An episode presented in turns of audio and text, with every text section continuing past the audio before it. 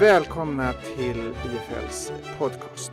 Idag har vi nöjt att ha Rickard Wahlund här och Daniel Delham som eh, precis pratat på ett Wake Up som handlar om varumärken, varumärkesrisker och möjligheter och hur man managerar detta. Så jag tänkte fråga eh, Rickard, berätta lite kort om dig bara. Om mig? Ja, om dig. Eh, jag är professor på Handelshögskolan i företagsekonomi, innehavare av familjen Bonniers professur med inriktning på media. Och jag har studerat eh, konsumentbeteenden, beslutsfattandets psykologi och även företagsetik. Okej. Okay.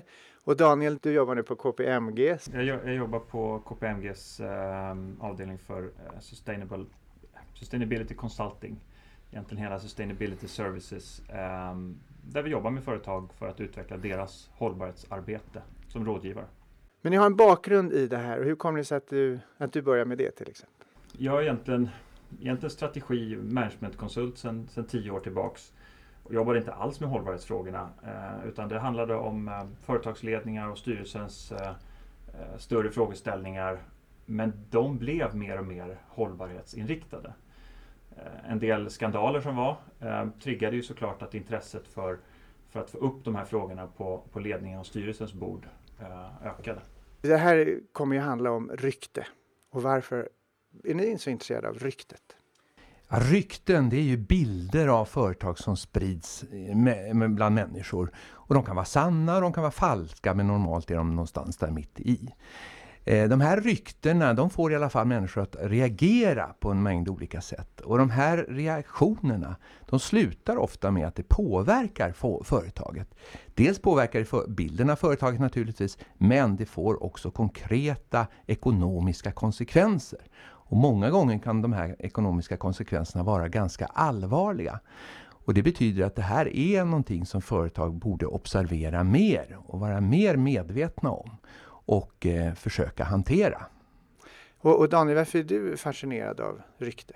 Ryktet är precis som, som Rickard säger, det är en, en, det är en del utav, av liksom bilden av, av hela bolaget och framförallt kopplat till vad de gör. Eh, och, och, kan vi få, kan vi få, liksom, få företagen att faktiskt göra, göra saker och ting bättre så, så kommer vi långt. Och ryktet blir ju då en, en, en indikator på det. Där man kan se hur det faktiskt påverkar bolagen. Vad är ett rykte? Om man skulle bryta upp det och titta på dess eh, beståndsdelar, vad är ett rykte? Ja, ryktet är ju som sagt en bild av företaget, men den innehåller också värderingar. Eh, det är så att vi människor vi har en massa normer i våra huvuden. Och när vi ser då att ett företag beter sig någonting, då, då bedömer vi dem, då värderar vi företaget agerande utifrån de här normerna. Och då kan vi tycka att eh, agerandet från företagets sida är antingen väldigt dåligt eller så kan det vara väldigt bra. Och det betyder att i ena fallet så blir det ett negativt rykte och i andra fallet blir det ett positivt rykte. Så det är bara de två aspekterna, antingen bra eller dåligt?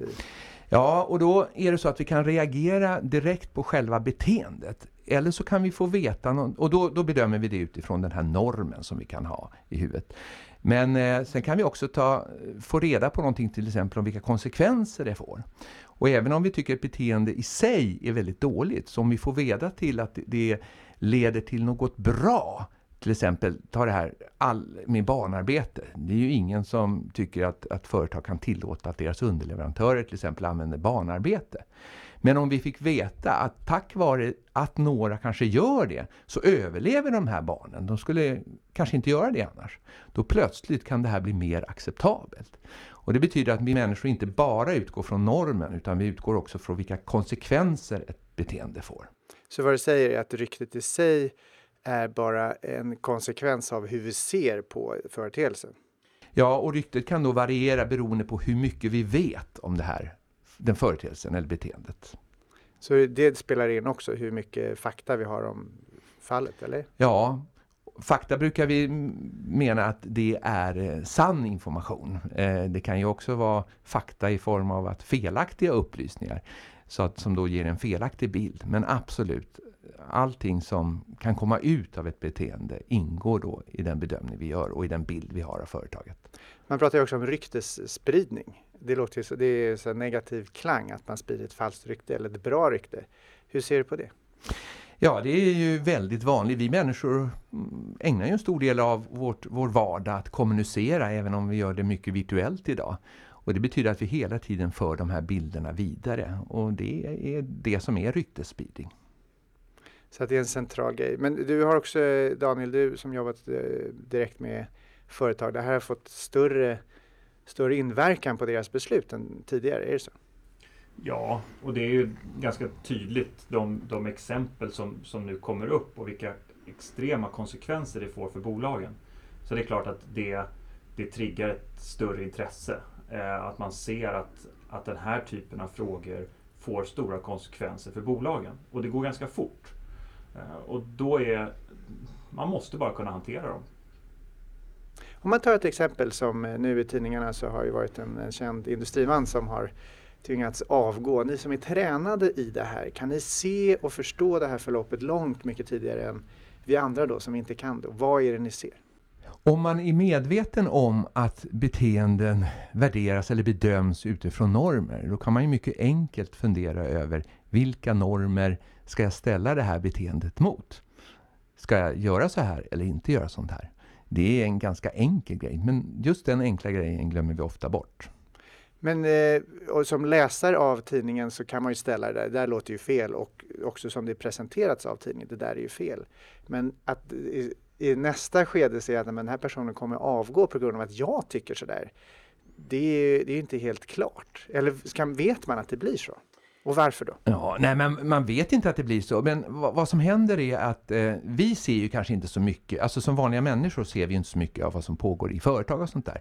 Men det finns andra som ser det och det är medierna. Och när media fångar upp en sån här sak så, och skriver om det, då får du en reaktion bland allmänheten. Och om då allmänheten reagerar starkt på det här, ja då drar också beslutsfattare i samhället öronen åt sig. Och om de ser att deras väljare reagerar på det här och företag kanske ser sina ägare som reagerar på det här, ja då börjar andra aktörer agera. Till exempel man ändrar lagar, regler, man förändrar investeringspolicies när det gäller vilka företag vi ska investera i och sånt där. Och det är de här, det är framförallt här, de andra eh, beslutsfattarnas agerande som det får konsekvenser då för företagen. Och då kan, man, kan ledningar tvingas avgå, till exempel av ägarna. Och hur kan man förbereda sig för det här? För det verkar liksom komma från en blixt från en klar himmel. Man har pågått, gjort en verksamhet, fungerat utmärkt och så är någon som upptäcker någonting och så drar det igång. Hur gör man? Daniel? Jag tycker att precis som vi har visat i den, den studien som vi har gjort så, så går det att förutse. Um, kan, vi bara, kan vi bara förstå vilka reaktioner som människor har på de beteenden som vi gör um, så är det inte så himla svårt att förutse. Ehm, sen så hoppas ju nog många att det man gör inte ska komma ut. Så att vi kommer aldrig få någon reaktion av den anledningen. Men det ser man ju tecken på hela tiden hur den transparensen ökar. Så att, att, att tro att det inte kommer ut, det, det, det, går inte längre. Och då kan man faktiskt mäta och följa upp det här redan innan. Och det är någonting som ni har sysselsatt er med under den senaste tiden? Ja, och i många fall så just det eget personligt agerande behöver man inte alltid mäta. Det är bara att fundera över hur skulle detta värderas av en annan om, om eh, någon annan såg det här. Det kan vara en tillräcklig regel för att liksom veta om man ska göra någonting eller inte. Det låter som man behöver en narr då, eh, i gamla tiders hov. Ja. Att, eh... Eller det handlar om så enkelt som att tänka efter före. Du lyssnar på IFLs podcast om varumärkesrisker och dess möjligheter med Rickard Wahlund och Daniel Dellham.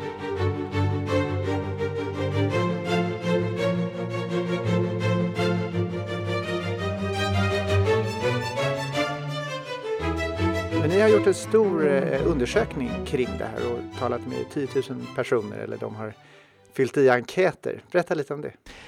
Ja, vi gick ut till eh, ett antal konsumenter som representanter för allmänheten. Vi gick ut till aktieägare, vi gick ut till personal.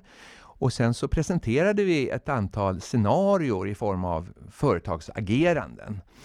Eh, och det var experimentellt upplagt, så de fick bara, varje individ fick bara se ett sånt här agerande. Andra individer, de fick förutom det här agerandet också få reda på en positiv konsekvens och ytterligare andra fick en negativ konsekvens av det här agerandet. Och så ska jag också säga att de här agerandena var delvis positiva och delvis negativa. Alltså bra beteenden eller dåliga beteenden. Eh, och det vi kunde se, det var ju att vissa av de här beteendena reagerade folk väldigt, väldigt starkt på. Som till exempel? Ja, naturligtvis. Att man inte kontrollerade om, eh, företag, om underleverantörer hade, använde barnarbete. Eller om man strikt kontrollerade det. Då blev det en väldigt stark positiv konsekvens. Eh, någonting som inte gav så stort utslag det var till exempel om man eh, inte hade reglerad arbetstid till exempel i vissa hos vissa underleverantörer. Produktmärk, eh, felmärkning på produkten var inte så farligt heller. Eh, sen kunde vi se lite allmänna tendenser och det var det att eh, de anställda reagerade alltid mer, mest. Mer än både konsumenter och aktieägare. Så att de som främst tar, tar till sig både det positiva och det negativa hos ageranden, det är uppenbarligen personalen. Och om man vill ha en motiverad personal, då är det någonting att tänka på när man beslutar sig för hur man ska agera. Och de som reagerade inte lika mycket som de andra grupperna, det var då aktieägarna. Men när det kom till negativa saker som företaget gjort, då reagerade faktiskt alla tre grupper tämligen starkt. Och Daniel, du har varit engagerad i eh, och beställt hela undersökningen kan man säga. Varför gjorde ni det? Nej, men vi, vi såg att, att det här var utifrån ett företagsperspektiv och vår roll som rådgivare att kunna hjälpa företagen förstå. Um, och, och, kanske också en del i ett utbildande syfte att, att faktiskt sätta tydliga mätetal på, på de här frågorna som ibland blir ganska okonkreta för många företagsledningar. Kunde vi hitta en metod som var väldigt trovärdig, ehm, den var enkel att förstå då kunde vi också få upp medvetandet och man kunde också rent praktiskt testa en del av de eh, tänkta ageranden eller beslut som man hade framåt. Så att det finns en skillnad på vad folk, vad, de, vad så styrelsen själv upplever vara problemet och vad andra tycker är problemet. Ja, det där var ju väldigt intressant. Vi, vi hade gjort den här stora studien och sen har vi varit ute och presenterat den och pratat med, med olika grupper och, och företagsledare och styrelsepersoner och när vi gjorde det så ställde vi också samma frågor till dem. Vad tror ni att, att eh, allmänhet och konsumenter reagerar på de här? Och då såg vi en väldigt stor skillnad mellan vad, vad de här företagsledningarna och faktiskt personerna egentligen tyckte. Eh, och det var ju väldigt intressant. En sån sak var ju tron på kommunikation. Hur stort eller övertro på kommunikation? Ja, övertro. Man, man hade, man hade en, en väldig övertro på att, att bara vi kan kommunicera varför vi gör en del av de här felaktiga, oetiska beteendena så kommer folk förstå. Men det är inte så. Så att man har en övertro på kommunikationen medan man underskattar de eh, så att säga, åtgärder som man kan göra för att faktiskt eh, mildra eller förbättra Eh, den verksamhet man har. Men, och om man gör de här förmildrande eller förbättrande åtgärderna och kommunicerar det, var det någonting också? För vissa gav det väldigt stor effekt. Um, där man kunde se att, att där, man, där man såg att det här ger en, en stor effekt på faktiskt grundproblemet. Om grundproblemet var låga minimilöner till exempel. Och gör vi saker då där faktiskt kan påverka och få upp minimilönerna för alla. Kanske på ett sätt som är faktiskt konkurrensneutralt. Ja, då uppskattar också människor det i väldigt hög utsträckning. Och då kan vi göra någonting som inte egentligen är så kostsamt för bolaget. Vi hittar olika typer av effekter för att mildra de negativa konsekvenser vi egentligen har i vår verksamhet. Och det får vi också positiva reaktioner på. Så att det handlar om, om jag förstår det rätt, handlar om att kommunicera de förbättrande åtgärder man har. Men om det redan har hänt, vad gör man då? Det finns ju ett antal exempel där det redan har hänt, som att det kan göra någonting. Man skulle ha tänkt efter före, vilket man inte gjorde, för att det gick för snabbt, man hann inte. Då är man lite i trubbel. Det är därför den viktigaste poängen är tänk efter före. Därför att det är inte så lätt att eh, komma efteråt och försöka förklara för människor eh, att det som kanske de har läst inte riktigt stämmer eller att det finns en annan aspekt av det. För människor har redan tagit till sig det här och de orkar inte få så mycket mer information om just det. Och speciellt, alltså, framförallt så har ju trovärdigheten redan skadats hos den nya kommunikatören, alltså den som ska försvara sig. Och det gör ju att man inte värderar det som sägs så mycket. Så det gäller att agera före. Och om man då tar över en verksamhet som redan har en historia så gäller det då att identifiera de här riskerna från början och börja åtgärda dem. Och, ja. Ja. och när ska man börja kommunicera då? Ska man kommunicera när det redan är gjort då kanske det redan är för sent? Eller hur? Ja, jag tycker att vi båda har sagt att det handlar i första hand inte om kommunikation utan det handlar om aktion. Det handlar om att inte göra det som kan gå snett. Eh, att helt avstå från sådana saker. Och då måste du i förväg ta reda på vad är det som kan gå snett. Och om du absolut måste no göra någonting som kan, kan uppfattas tokigt, se då till vad du kan göra samtidigt som liksom kan förklara det eller som kan uppväga det. Någonting som, som liksom man kan göra att man accepterar det mera. Ta reda på sånt tidigare och agera sen. Var det några överraskningar som dök upp när ni gjorde den här undersökningen? Ja, en överraskning var ju kanske det att det var många, i alla fall från näringslivshåll, som trodde att det var yngre som skulle reagera väldigt starkt. Men det visade sig att det var de äldre som reagerade starkast. På frågor som? På frågor som barnarbete, på alla de möjliga saker vid, vid minimilöner, att man liksom inte gav högre löner, att man gav bonusar och till företagsledningar etc. Att de höll på med skatteplanering och såna grejer. Eh, generellt sett så var yngre alltså inte, hade inte lika starka reaktioner som äldre. Beror det på att frågan är felställd eller att äldre har starkare reaktioner? Eller? Ja, en starkare moral? Ja, en förklaring är att, att normer växer ju till sig under en livstid. Och de, de förstärks. Och det gör ju det att det får ofta till konsekvens att äldre reagerar starkare mot brott mot de här normerna. Om vi återkommer lite till normer, för det verkar ju vara rastret eller glasögonen vi ser på de här ryktena. Berätta lite om hur, hur ni resonerar kring det och när ni förklarar vikten av det. Hur ser det ut då? Ja, alltså vi, när vi ska göra värderingar och bedömningar då måste vi ha någon form av måttstock. Och de här normerna, det är våra måttstock. Det är utifrån dem som vi bedömer om vi tycker något är rätt och riktigt eller fel.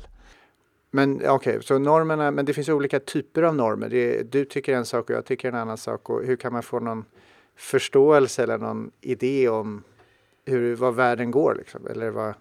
Ja, man kan säga så här, när det gäller normer då så finns det ju allmänna normer som vi alla liksom accepterar. Till exempel man får inte döda, man får inte stjäla, man ska hjälpa andra. Eh, man får inte vara dum mot andra, man ska vara försiktig med saker, man ska se till att eh, samhället överlever och inte går under. Alltså det finns många sådana där normer som vi alla ställer upp på. Sen finns det mer specifika normer som faktiskt kan skilja sig lite i olika delar av världen. Men även de första du nämnde där, det blir situationsbetingat också. Alltså man ska inte döda någon men man blir utbildad som militär i värnplikten för att de facto döda någon om de så att det är ju... Ja, och det är där det här med konsekvensaspekten eh, kommer in. Ibland kan vi tycka det är okej okay att bryta en norm om det leder till en bra konsekvens. Till exempel, eh, det är ju fel att göra inbrott, att stjäla. Men om du gör inbrott och stjäl en sak med vars hjälp du räddar en annars liv, då tycker man det är helt okej. Okay. Så det här med normer ska alltid, eh, liksom man kan koppla på det här med konsekvenser till det. Men kan man, för, jag återkommer till den frågan, kan man förutse vad folk eh, i allmänhet kommer att tycka med hjälp av förståelse för normerna och hur tar man reda på dem? Ja, i många fall kan man ana det eftersom vi delar så mycket normer. Men reaktionens styrka kanske vi inte alltid kan förstå och det är därför vi behöver mäta den. Och det är det vi gjort och då funnit också att olika beteendena beroende på olika normer har olika styrka, alltså olika styrkor i reaktionerna. Och hur ska man då som beslutsfattare förhålla sig till de här reaktionerna? Det blir också en, en fråga om du nämnde tidigare att medias roll är så stor för att tolka vad det är som sker. Ska man hålla, sig, hålla sin linje eller ska man försöka anpassa sig till vad folk tror i, eller uppfattar? Ja, det är ju vad, folks faktiska reaktioner, det är ofta de som får konsekvenserna för företaget oavsett vad de bygger på. Och det, gör ju, det är ju då viktigt att inte göra saker som kan presenteras i media, ge en bild i media så att det kan leda till de här reaktionerna helt enkelt. Du lyssnar på IFLs podcast om varumärkesrisker och dess möjligheter med Rickard Wahlund och Daniel Dellhamn.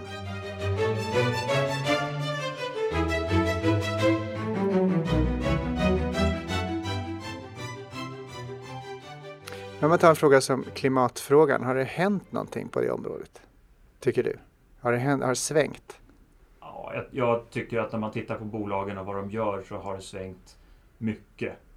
Därför att man tittar på det som en risk, men man tittar också på det som en möjlighet. Ett sånt där exempel som, som väl alla känner till, det är, ju, det är ju SKF och deras satsning på sin Beyond Zero-portfölj. Där man tittar på hur gör vi produktutveckling som möter krav som kommer längre fram. Vi tittar på att vi har ett, ett, ett, ett eh, miljöproblem, eller i det här fallet då ett, ett koldioxidproblem, för mycket utsläpp. Hur kan vi då använda det för att titta på hur ser vi det som en möjlighet? ja, vi låter oss göra produkter som faktiskt möter de här kraven. Ja, då har vi börjat titta på det som en möjlighet, en affärsmöjlighet istället. Och OF är väl ett annat exempel? Ja, det finns, det finns flera som har kommit. Eh, vi, vi, ser inom eh, bank och försäkring där man börjar titta på var ska vi nu investera eh, därför att vi vill ha en långsiktig avkastning. Ja, då kanske inte är de industrier som, som faktiskt är en del av orsaken till de här problemen. Därför att långsiktigt är det inte hållbart och då kommer det inte vara håll, långsiktigt lönsamt. Hur, hur, tycker ni det ser ut om, om, om tio år? Kommer konsumenterna ha, vara med, med i styrelserna på ett helt annat sätt nu? Att de är med och eh, får faktiskt ha en röst därför, för att uttolka liksom folkviljan så att de kan ligga för, ett steg före. Jag tror inte konsumenter passar i styrelsen för de ska ju ha ansvar för bolagets drift. Däremot så är det ju viktigt att, att eh, företagen lyssnar på sina kunder som är då konsumenter i slutändan. Eh, så att man, för företaget tjänar ju pengar på att tillfredsställa behov. Och det är självklart för att för överlevnad så måste man då känna till vad de här behoven är. Jag tänkte just på att det inte är alltid företagens kunder som kan då påverka, för att det är de som inte ens är deras kunder som liksom blir förbannade och så måste liksom regeringen agera på det. Så att det är mycket större massa egentligen som behövs för att företagen ska agera. Vi tittar på det där också ehm, och hur, vad är det för, för drivkrafter som gör att det faktiskt de här frågorna blir en del utav, av företagen och företagens strategi. Och det ena är ju intressenterna, konsumenterna till exempel, eller andra typer av intressenter man har. Men, men precis som Rickard sa tidigare, den största drivkraften för många kommer nog utav lagstiftning, eh, skatteregler, andra typer av ganska stora händelser som blir som påverkar bolagen. Som indirekt kommer av de här reaktionerna. Men som ändå är en indirekt reaktion. Eh, och den tredje, det är ju faktiskt att marknaderna ändras. Vi, vi till exempel vi flyttar så att vi investerar betydligt mera i, i eh, gröna investeringar eller någonting annat. Så vi ändrar liksom klimatet för, för investeringar. Så att alla de här drivkrafterna gör att företagen behöver anpassa sig. Så det inte bara, man ska inte bara titta på vad konsumenten direkt påverkar. Och då när det gäller styrelsearbeten, eh, styrelsen har ju ansvar så att säga för företagets drift och ekonomi. Och det är inte något ansvar man kan lägga på konsumenterna eller på andra intressenter utan här gäller det att ha den kompetensen i styrelsen, att man förstår de här påverkanseffekterna så att man kan ta in dem i sitt beslutsfattande. Så mindre, mindre homogent och mer heterogent styrelse, eller? Ja, det behöver inte vara heterogenitet eh, på det sättet därför att det bästa är väl om alla i styrelsen förstår problemet. Man behöver mäta då för att stävja ryktena? Ja, det är ett bra sätt i alla fall att få ett underlag som man kan titta på och utgå från. Så om vi ska sammanfatta lite den här eh, diskussionen. Daniel, vad, vad handlar om ryktesspridning och riskhantering? I grund och botten handlar det om att göra rätt. Därför att det, det, det, om det är någonting vi konstaterar så är det inte Vi kan inte kommunicera oss ur det här. Vi kan inte, vi kan inte måla upp en bild av någonting som inte stämmer. Utan vi måste gå tillbaka och titta på vad är det egentligen förväntningarna på oss är och hur kan vi möta dem. Sen ska vi kommunicera det och så, så skapar vi vårt varumärke och så. Men vi måste gå tillbaka och titta på vad är det vi gör. Så det gäller att ställa andra typer av, eller förstå att det finns andra förväntningar än bara de ekonomiska? Ja, de, det finns andra förväntningar som kommer att resultera i hur vår så att säga, ekonomi för företaget eh, faller ut i slutändan. Men, men de är, det är mer det är flerdimensionellt, absolut. Så Rickard, hur sammanfattar du det här med att eh, hantera risker med rykten? Ja, den viktigaste punkten är ju tänk efter före beslut fattas eller innan man agerar. Alltså ställ frågan vilka risker och möjligheter, vilka risker tar vi och vilka möjligheter finns?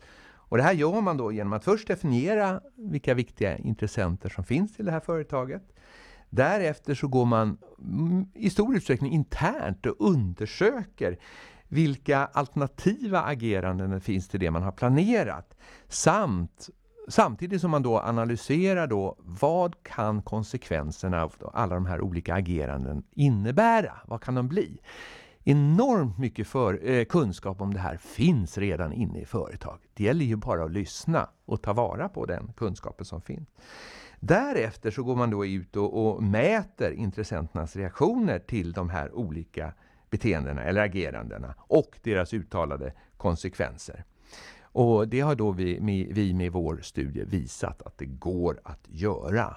Och därefter kan man sedan fatta ett informerat beslut. Så att eh, bara för att uppehålla lite vid den här mätningen. Är det skillnad tror ni man mäter i Sverige, stad kontra landsbygd, förort kontra en annan förort eller mot andra länder eller religion eller vad? Spelar det någon roll tror du? Ja, det tror jag spelar roll eh, därför att det finns värderingar och normer varierar lite världen över och därför kan vi få olika reaktioner i olika länder. Så att eh, det är viktigt att då definiera de intressenter man har och är de intressenterna, finns de intressenterna i andra länderna så måste vi definiera dem också och undersöka dem också. Vad, vad tror ni blir nästa stora skandal? Det kommer nya varenda dag så det är, det är bara att vänta Kan man se. strukturellt se att, nej men okej, här inom, utan att nämna några namn, liksom, men här inom byggbranschen så finns det typer kan man se eller kan ni skönja sådana mönster? Alltså det kräver ju att man har lite kunskap om vad som föregår i företag och vad de gör. Och eh, den gemene man sitter ju inte inne med den kunskapen och ser inte så mycket av det utan det vi ser det är det vi får veta genom medier. Och både massmedier och sociala medier och eh, NGOs agerande i många fall. Så att eh, man får väl se vad de kommer fram med. När makthavare visar excesser, kan det ses som en indikator? Alltså jag, jag tror att i, i, i de mest aktuella fallen här nu så är det ju också en del bolag som har, som har väldigt hög profil i de här frågorna. De gör väldigt mycket och är duktiga egentligen. Men så fallerar det någonstans. Och när det där liksom inte, det, det lirar inte, då, då, tror jag reaktionerna kanske blir ännu större. Man, missnöjet och, och förväntan, förväntan var mycket större än så. Eh, vi skulle kunna se en del andra bolag som säkert kunde göra likadant, men som skulle komma, komma undan med det, därför att vi har inte de förväntningarna på dem. Så att vad du säger är att det finns en risk också att göra rätt? Ja, i, i, det gör det ju därför att du, du på något sätt positionerar dig och, och, och sätter en, en, högre standard. Eh, och då måste du kunna leva upp till det. Och det är också det tror jag att vi ser nu. Vi ser ganska många bolag som under ett par år här nu har gjort väldigt mycket arbete men inte kommunicerat det. Och jag tror att det kommer bli tydligare snart när de nu börjar också visa på vad de har gjort. Då blir skillnaden också mycket större mellan de som faktiskt har gjort något och de som inte har gjort någonting. Och det, det tror jag vi kommer få se eh, lite mer framöver. Tack Daniel Delham från KPMG och eh, Rickard Wahlund, professor på Handelshögskolan här i Stockholm. Vi har pratat om rykten, vi har pratat om varumärken och dess risker och möjligheter. Mitt namn är Karl Eneroth, jag är online program director här på IFL och vill ni lyssna på mer av våra podcast gå in på www.ifl.se inspiration. Tack för att du lyssnade!